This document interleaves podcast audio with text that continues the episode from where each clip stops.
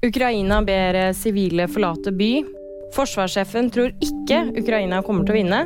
Og Norwegian overtar for Flyr. Ukrainas regjering ber sivile forlate Bakhmut. Det pågår harde kamper i Bakhmut i Donetsk-regionen i Ukraina.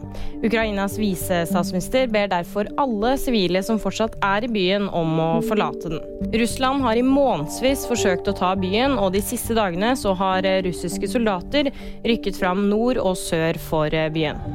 Og vi holder oss i Ukraina.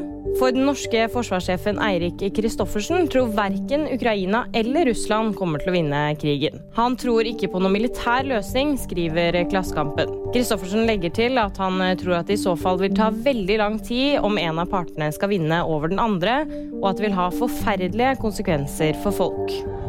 Norwegian overtar for Flyr. Etter at flyselskapet Flyr gikk konkurs, så har Norwegian hentet både fly, reservedeler og ansatte fra den tidligere konkurrenten. Rundt 100 ansatte og seks fly fra Flyr er hentet til Norwegian, skriver Dagens Næringsliv. Og VG-nyhetene de fikk du av meg, Kaja Marie Andreassen.